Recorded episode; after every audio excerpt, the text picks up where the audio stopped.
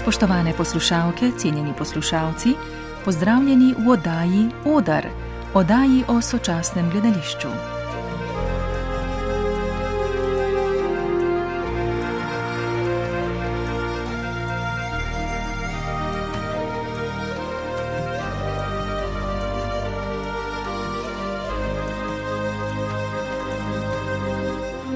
Igralec Marko Mandič je član ansambla Slovenskega narodnega gledališča Drama Ljubljana, igra v mnogih domačih in tujih filmih, občasno sodeluje tudi na Radiu Slovenija, intenzivno pa zadnji dve desetletji sodeluje tudi z režiserjem Bojanom Jablanovcem v dolgoletni raziskavi pod okriljem Vije Negative.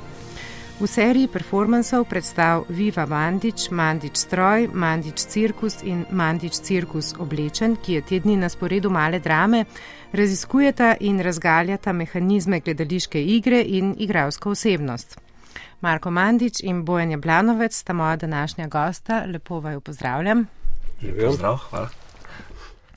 Prej sem naštela nekaj posameznih performansov, eh, pa me zanima, ali ima serija enoten naslov.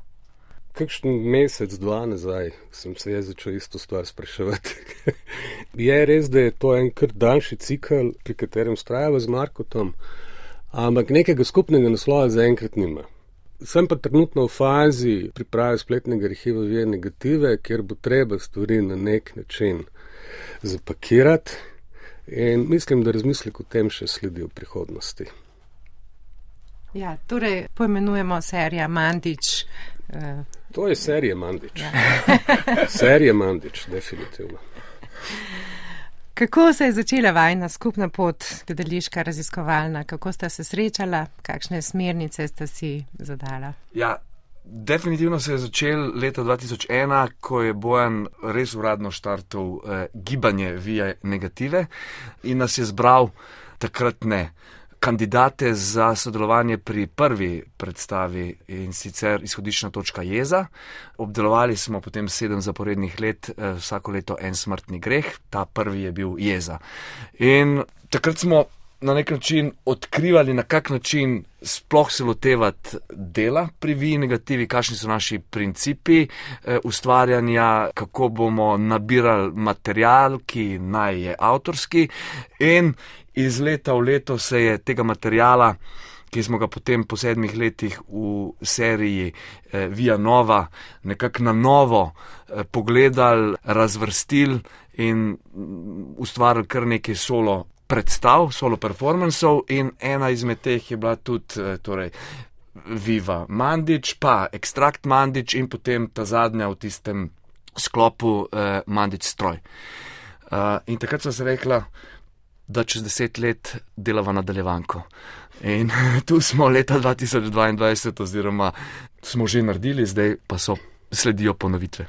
Bojan, kako ste pa vi eh, pristopili k temu? Torej, Marko je rekel, da ste zbrali igravce in da ste poiskali ta način dela.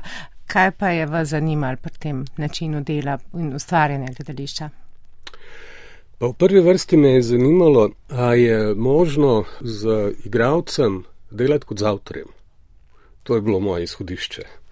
Po skoraj desetih letih ustvarjanja v, po institucionalnih gledališčih, ne, kjer je pravzaprav se igralec zmeri bil pripravljen postaviti neko podrejen položaj izvajalca idej, konceptov, režiserja, napotkov, vodenja takega drugačnega, kar je tudi seveda v negativi del procesa. Ne.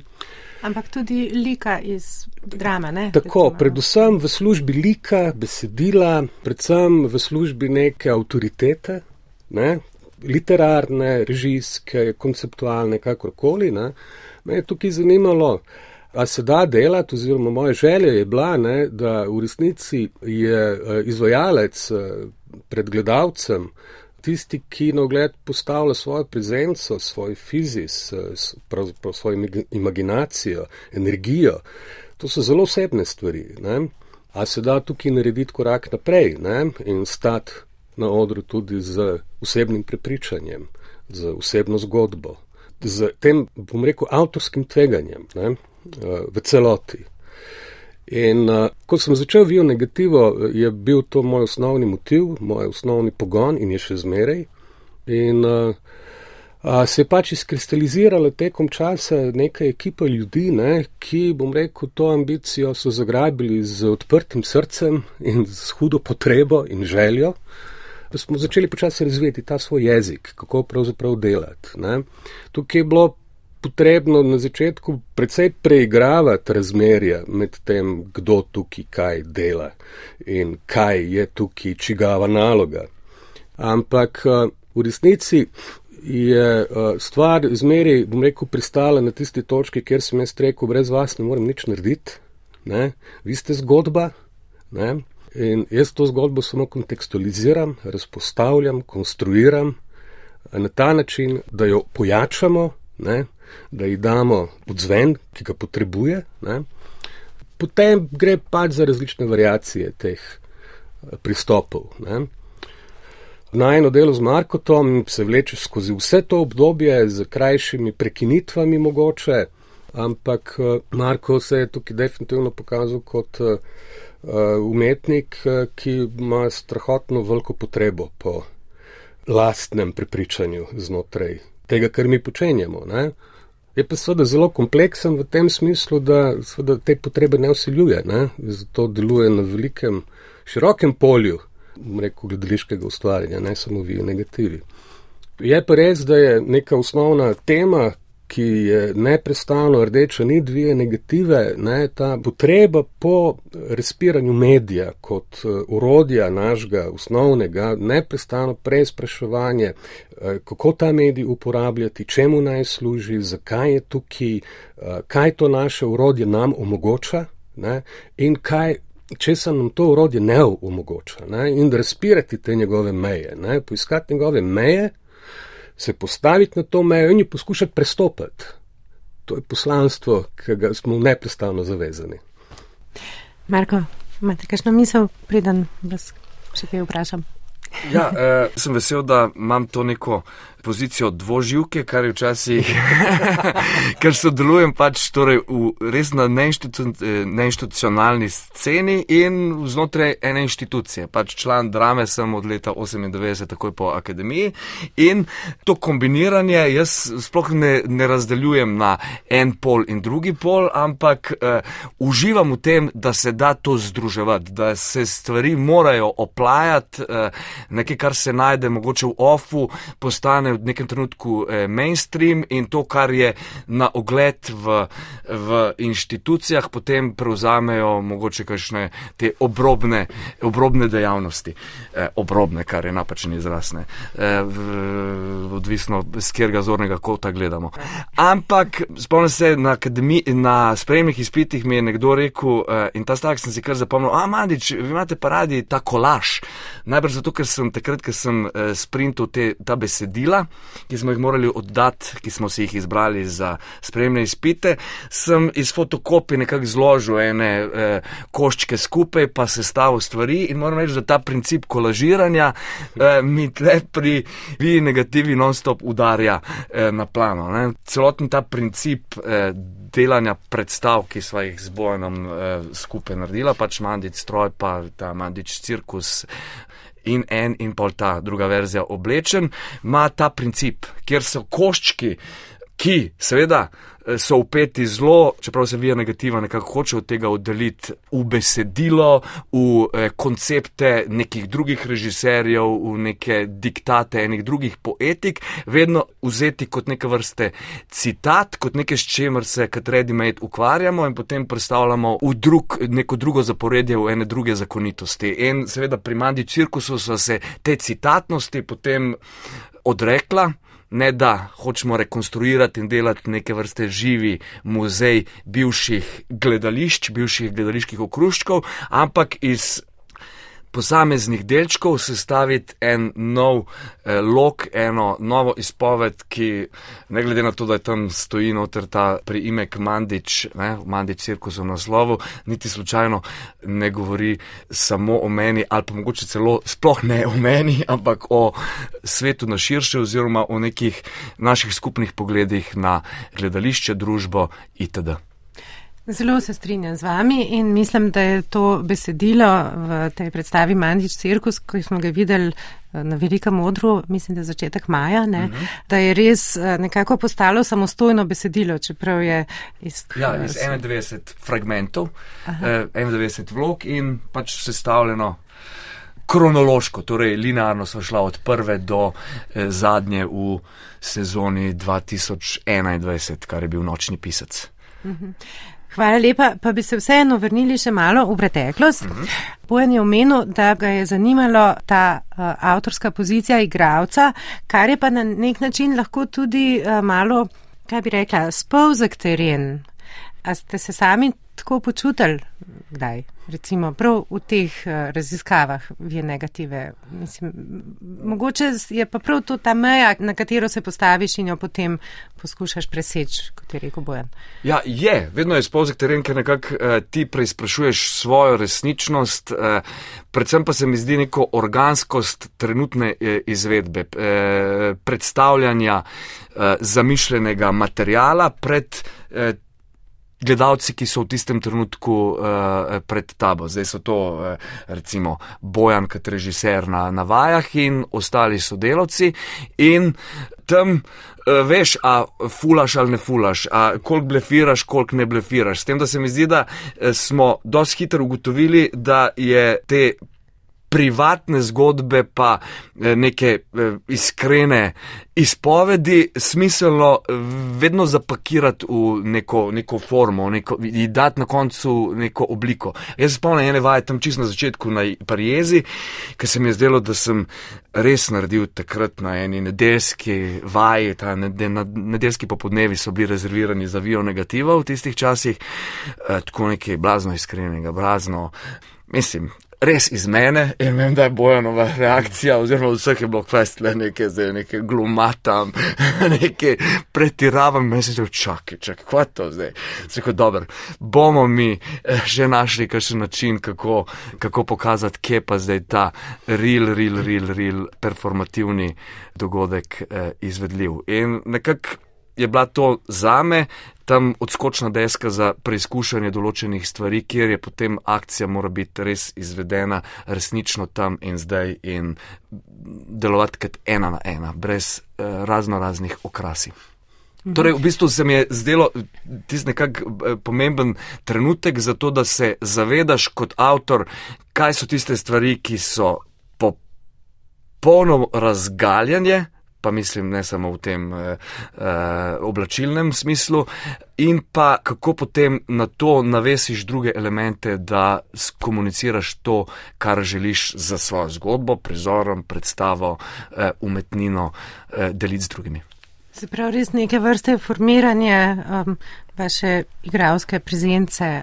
Ja, in vsakokratno na nek način novo preizpraševanje. Tako se mi zdi, da ni, da a, mi smo zdaj prišli do enih principov dela in potem se jih eh, držimo kot pijanci plota, ampak z vsakim novim projektom eh, poskušamo odkriti nove mehanizme dela, t, produkcijske modele, kako delati predstave. In se mi zdi, da tu je še recimo lahko inštitucije ogromno naredijo, da se osvobodijo tega diktata. Aha, delamo tekst, eh, projekt. Eh, ponavadi traja dva meseca, pa pol ali pa še vedno manj zdaj, in v tem času moramo narediti predstavo. Se mi zdi, da vsaka predstava, vsak projekt eh, kliče po različnih organizacijah dela. Mislim, Kajšno lahko narediš v enem tednu, kajšno v parih dnevih, kajšno je treba delati eh, na obroke, torej čez eh, dve leti, dve leti z razno raznimi, ne vem, bloki delovnimi, kjer stvari pripelješ do ene točke, zapakiraš in potem odpreš to škatlo čez par mesecev in vidiš, kaj je še od tistega ostalo. Potem pa, če se od teh začetnih performancev, torej teh sedem smrtnih grehov, ki so bili še v gledališču Klej, ne, pomaknemo proti stari elektrarni in performancu Viva Mandič. Uh mhm. -huh. Iz te serije sem jaz videla tega, uh mhm. -huh. ekstrakt Mandič, pa Mandič stroj pa žal ne. Torej, kako ste potem prišli do tega, če pravite, da je bil to solo projekt, pravzaprav neka sinteza preteklih izkušenj? Ja, mi smo se v bistvu z Vijo negativo že do zgodaj v staro elektrarno pre, eh, preselili, če ne prej, mislim, da pri predstavi Bi Nebi, ki je tematizirala uh, smrtni greh pohote. In nekako osvajali vse te različ, mislim, različne lokacije Ljubljane, začenši z moderno galerijo, potem Glej, eh, stara elektrarna. Mislim, da so to bile te eh, osnovne lokacije. Seveda pa vsakič smo te predstave iz prvega sedemletnega ciklusa preverjali na nekih novih terenih. Predvsem ta jeza, ki je bila galerijska postavitev, je bila vedno čist drugače kontekstualizirana, če smo to igrali v, eh, MSU, mislim, v eh, Muzeju eh, suvremene umetnosti v Zagrebu ali pa recimo, ko smo bili v nekem muzeju zgodovine v Novem Sadu. V glavnem, eh, vedno nam je prostor, ali pa ker smo vse te stvari igrali potem v Kunsthalle v Düsseldorfu. No, ampak če, če se vrnemo nazaj pa na tale eh, Mandi, Viva Mandič, to je pa nastalo iz tega, ker je na eni vaji za predstavo Viva Verdi, kjer je bila izhodiščna točka tega iskanja Lenoba, ampak osredotočili smo se morali na delo. Ne, da bi zdaj mi vsi tam prikazovali Lenobo, ampak kaj bi so ta kontrapol Lenobe, ki je v bistvu naša stalna potreba po eh, akciji, udestovanju, proizvodnji vsega in eh, še več in še več, samo zato, da bi nekako prikrili. To, da se nam ne da, da bi mogoče včasih pa mal naredili korak nazaj, pa počili. In tam sem jaz na eni vaji naredil en fast forward dotedanjih vlog z najrazličnejšimi rekviziti in to je bil en material, ki si ga je Bojan zapomnil in nekako se na to še parkrat spomnil in rekel, ok, to bova nekoč naredila in sva delala pol iz tega izhodišča Mandic stroj, ker se pa meni na eni vaji za ta Viva Verdi ni več dalo izvajati tega fast forwarda, to so bile pa sobotne, dopodanske vaje. Uh, sem pa iz te vreče rekvizitov, mislim, rekvizite iz vreče ene stresu, se slekel in se zaprl v vrečo, kjer sem potem hiberniral eh, eno uro in v bistvu eh, znojil, eh, znojil in je to mirovanje bilo eh, prikaz mojega dela. To je bilo, pravite, na tej vaji sobotni dopoledne. Se pravi, vi vam Mandič, ampak bili ste v vreči, ampak niste hibernirali, ste izvajali omes. V vreči, prvivem, ne, prvivem Mandič, v bistvu eh, na mest mene sta delovala dva zaslona. Na enem so bili zmontirani odlomki iz gledaliških vlog in na drugem je bil privat eh, video, posnet sicer za predstavo eh, Markizo Desat, eh, Jukija Mišime. To, tej, v, v tej vreči, v, v vreči sem pa jaz ja. bil, v fundusu, ja, torej Aha, aha. eh, drame. V vreči sem pa jaz bil lepo pri miru in v eni uri, medtem ko so videi delali za me digitalni svet, jaz analogno švical. To, medtem ko recimo pri Mandič stroju, sem pa z uporabo vseh najrazličnejših kostumov, eh, rekvizitov, nekako obdelal. Takrat smo imeli 38 koščkov iz najrazličnejših vlog in namesto partnerjev iz predstav uporabljal gledalce v publiki za svoje nove oči oziroma telesa, katerim se usmerjam.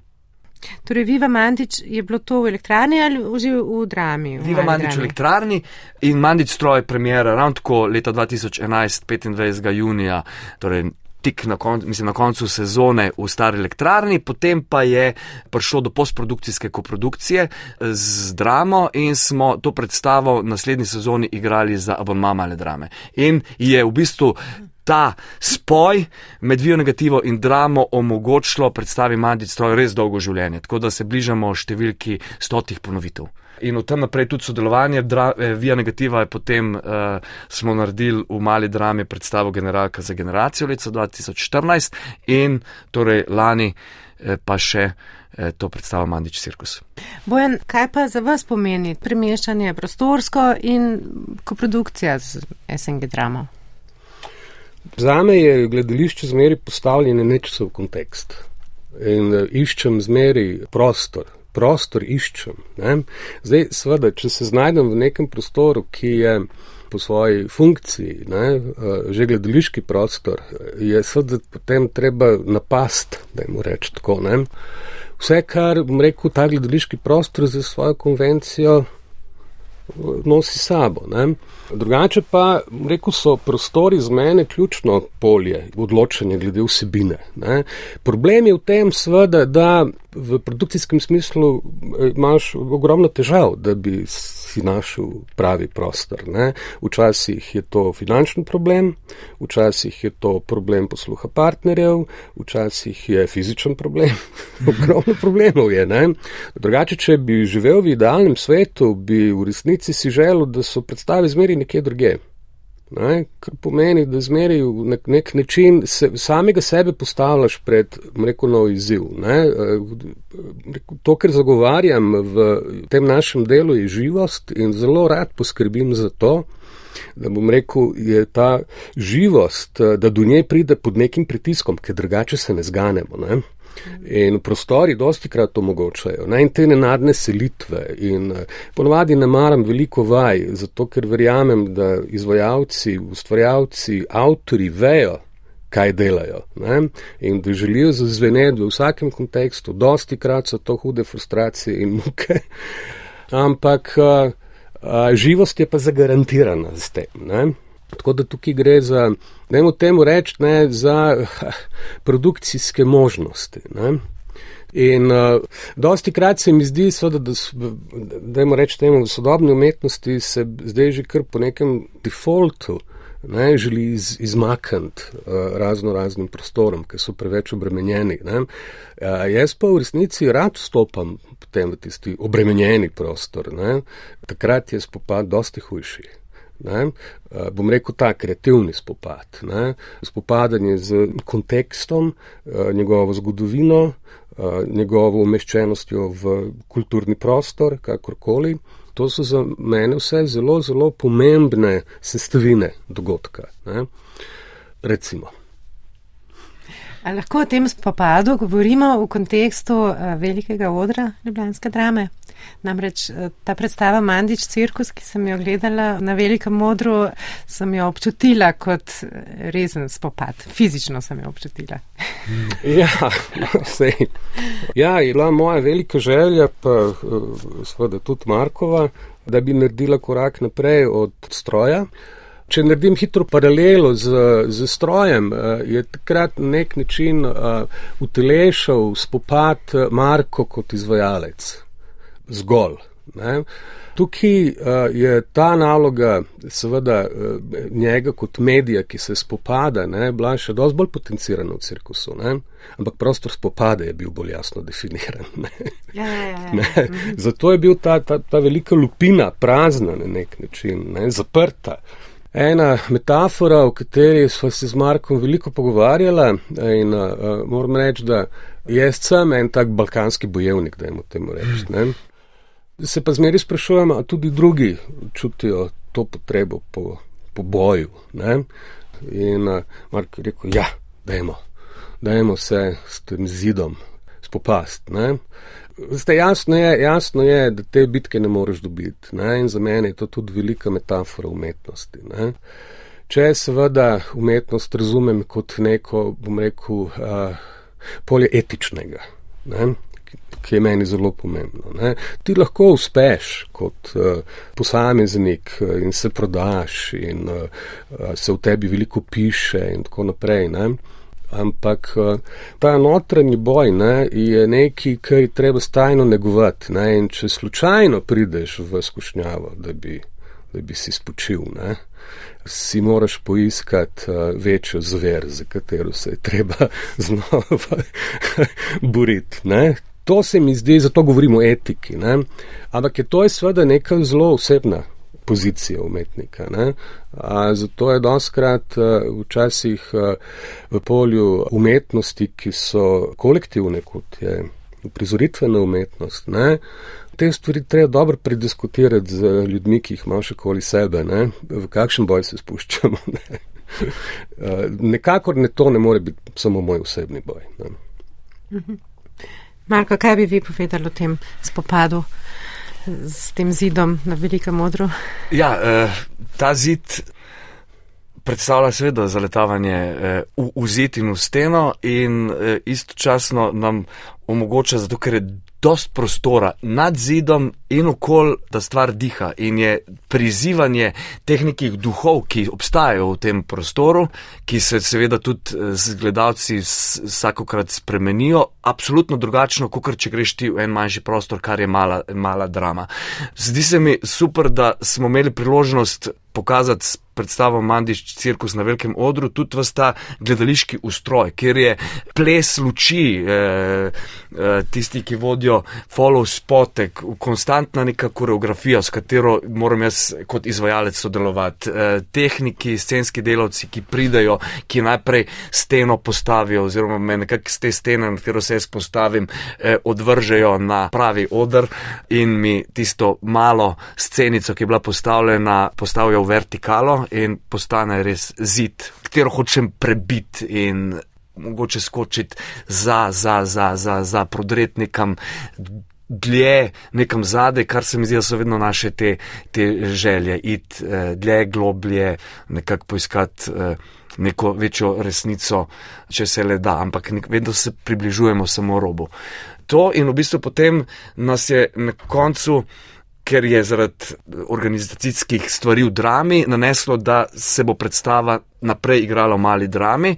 No, je to na začetku z Bojanom prav frustriralo. Čakaj, zdaj takoj po premjeri, namesto da bi tle igrali, da predstava se razvije, moramo iti v en manjši prostor, ki ima nikakršno višino, Tisti, ki so bili v mali drami, vejo, da je to dva metra, pa še malne. Torej, ta stena, ki je drugače na velikem odru, eh, velika šest metrov krat tri, eh, sploh ne gre tja noter. Torej, že steno je treba zmanjšati. Ampak. Po principu vije negative eh, smo potem vsi sodelavci, eh, scenografom Matejo Stupico in vsemi ostalimi, ki so pripravljali video, pa glasbo, Eduardo Raon, nekako zagrabili to priložnost prestavitve v drug prostor, zato da iz tega da naredimo drugo predstavo. Torej, da naredimo verzijo, ki bo drugačna eh, kot tista na, na velikem odru.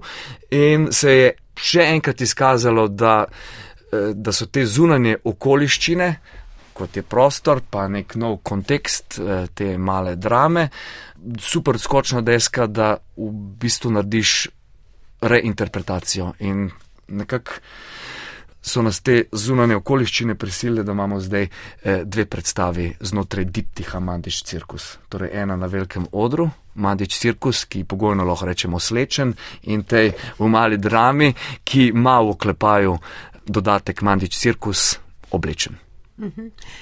In če rečemo, da je iz te verzije, ki smo jo gledali na velikem odru, da je torej ta klič, ta spopad, kam pa potem meri eh, ta, torej manjši cirkus v oklepaju oblečen? Ravno tako spopad, ampak druge vrste, kot da se tam znotraj še večjega karnevaliziranja, ker pride tudi eh, nekak ta maska, kostum, s katerim se opremim. Tu sva izbrala z bojenom iz fundusa najrazličnejše kostume, ki pa niso, tako kot recimo Mandic stroju, so citatni kostumi iz predstav, oziroma katere sem jaz nosil, oziroma vloge moje, so v bistvu nabrani.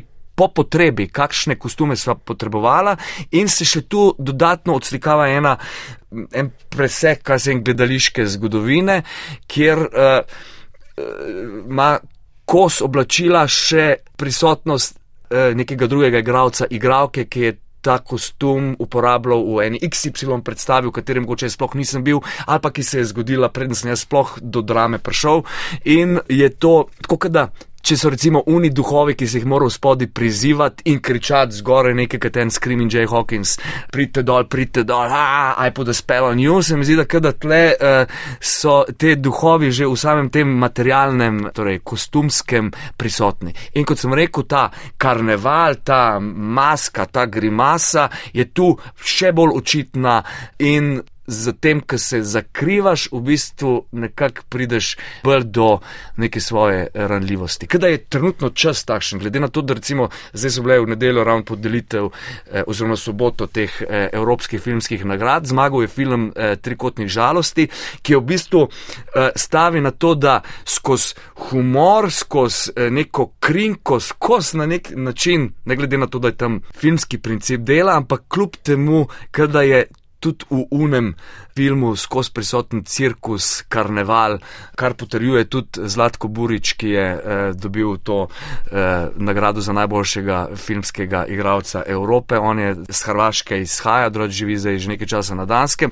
izhaja pa iz Kugla Glumišta, iz gledališča, ki je nastal v leta 75 v Zagrebu na filozofski njihovi fakulteti in kjer so točno s tem se ukvarjali. Ta distanca, odmik, karneval, pretiravanje, čez in čez in na ta način govoriti o tukaj in eh, zdaj in v bistvu skalpelom zarezati še dje. Prekrasno. Vseeno bi pa še rada, da se mečkam pogovorimo še o tej predstavi, ki smo jo pa gledali prek Zuma. A. Ja, to je bil pa tudi en zelo zanimiv format, mislim, da tudi zelo posrečen. To je v bistvu bila ena izmed verzij Mandič stroja. Torej, Mandič stroj, torej 2011 smo imeli to premiero in potem ponovitve, ponovitve, ponovitve. In medtem, ko sva vadila z Bojanom za Mandič cirkus, ne, v študijski sobi, drame, se nam je začelo porojevati v tistem času eh, te karantene, zaprtja gledališč, da je mogoče ravno Mandič stroj eh, nekak idealna predstava, ki bi se jo dalo transformirati za ta digitalni medij, torej za Zoom predstavitev. In Bojan je takoj rekel, da ni govora, da bomo zdaj to sam tako posneli na odru, nekaj pa predvajali po spletu, kar je absolutno, eh, mislim, ker je imel absolutno prav. In sva eh, se lotila nove organizacije prostora, čist druge scenografije, nastal je en tak, neka kombinacija med eh, gledališko garderobo, gledališkim fundusom in inštalacijo in smo pripravili labirint, po katerem eh, so se te moje vloge sprehajale vse čas v spremstvu kamere, ki jo je držal v rokah Borod Bučinel. Jaz sem pač drugače nagovarjam v predstavi Mandic Stroj publiko, in izbiram različne gledalce, tu je pa bil fokus vedno v kamero, torej vedno za tiste oči na drugi strani. In kar je bil čar te eh, izvedbe, je bilo to, da smo na začetku imeli eh, na Zoomu nekak sprejemanje gostov, torej sem jaz vedel, kdo je na drugi strani. Nekateri so bili seveda skriti za tem črnim pravokotnikom, niso se pokazali z videom, ampak kljub temu so bili v zvoku ali pa z nekim imenom prisotni in si potem vse čas vedel, kdo so tisti gledalci, za katere ti igraš, čeprav skozi glumim, sem glumil v to kamero. In potem na koncu smo takoj po predstavi spet končali predstavo pred uh, računalnikom in sledil je pogovor. In malo od tega pogovora po predstavi, oziroma možnosti razgovora, eh, uvajamo tudi v predstavi Mandiš Cirkus na koncu, pač po poklonu, ko se predstava že odjavi, da lahko, če ima kdo kakšno željo, še kaj spregovorimo. Kar se mi zdi, da je itak nekako bistvo gledališča, da si ga razlagamo, da prihajamo gledalcem bliže ali z nekimi nagovori prej, zato da vemo, kam usmerjati našo pozornost. Eh, če gledamo predstavo, ali pa potem. Kakšen je pa odziv? Ja, dobro, kar sedijo, ja. nočejo iti ven. No. Mislim, da si spodbujam, zelo greste, ampak potem še kar malo sedimo, pa eh, kaj govorimo. Ja, super, super. Hvala lepa, zdaj ste veliko povedala torej, o ciklusu Mandič, serija Mandič, ali kako bomo rekli, eh, ciklus. Tem bomo še, ne? ja.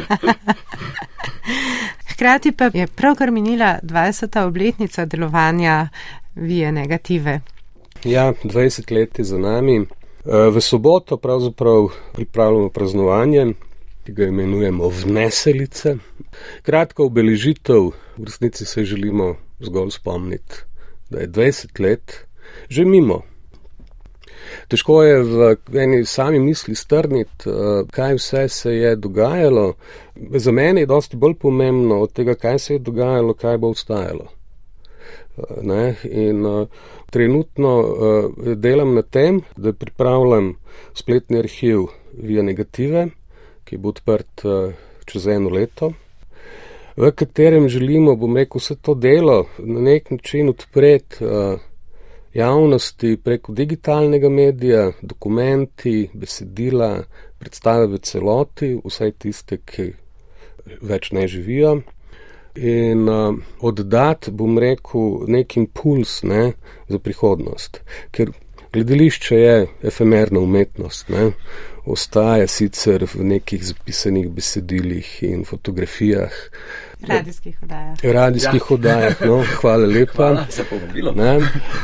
Vse mi pa zdi, da vsi skupaj premalo skrbimo, tako bom rekel, neodvisna scena kot institucionalna, ne, bom rekel, za to zgodovinjenje, ne, predstave nastaja v določenih kontekstih, z določenimi idejami, so določen odziv na določene situacije in bom rekel, jih je dost krat težko, rekel, razumeti z neke časovne distance, ne.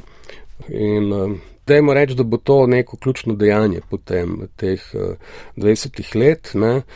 Vija negativa pa seveda išče svoje nove poti v prihodnosti. Uh -huh. Sem še za konec.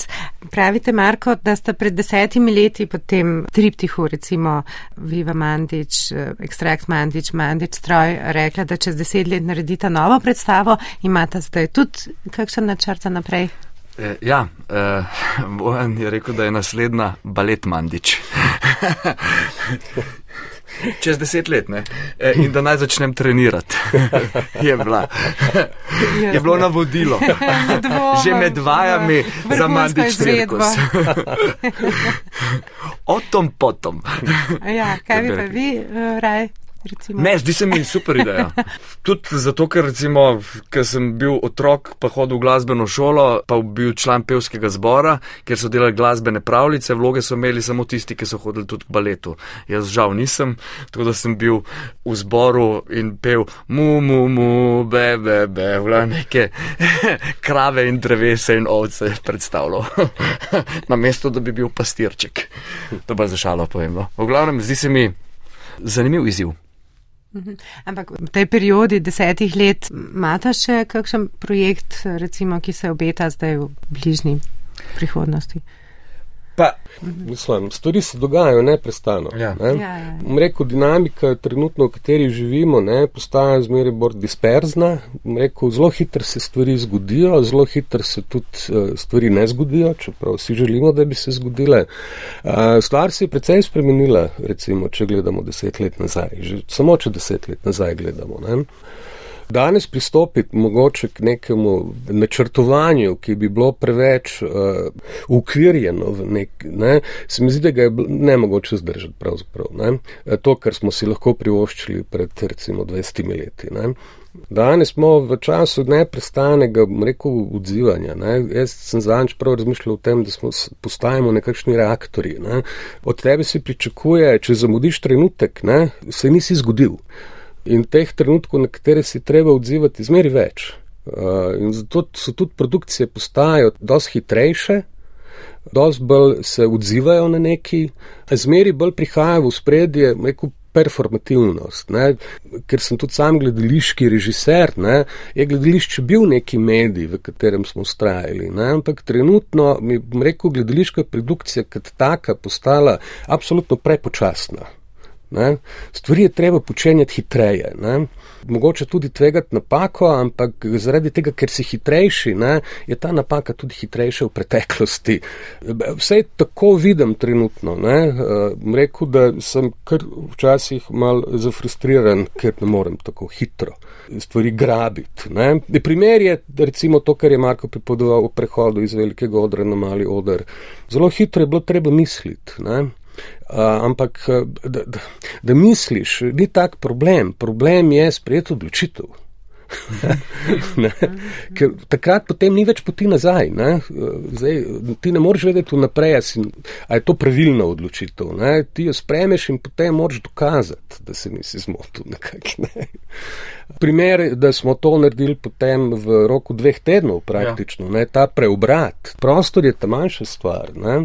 Če izhajam iz tega, kar smo se prej pogovarjali v prostorih, ne, ampak je bilo treba pravzaprav uporabiti drugačen jezik.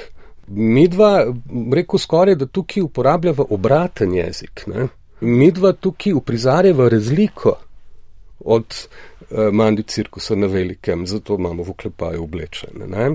Ampak zaradi te razlike, obratnosti, ne, ne želimo izgubiti poante.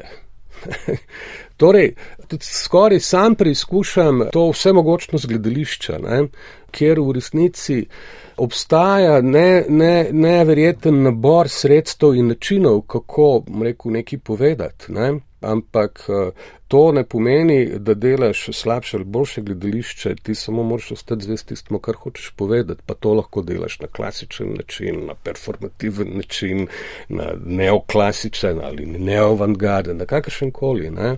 To so pa te druge bitke, ki jim jaz rečem, bitka za idejo. Ne? Ja, pa v bližnji pri, eh, prihodnosti pa Via Negativa pripravlja, torej poleg te vneselice 17. Eh, novembra in eh, La Isla Bonite, ki je premjera ob koncu eh, leta.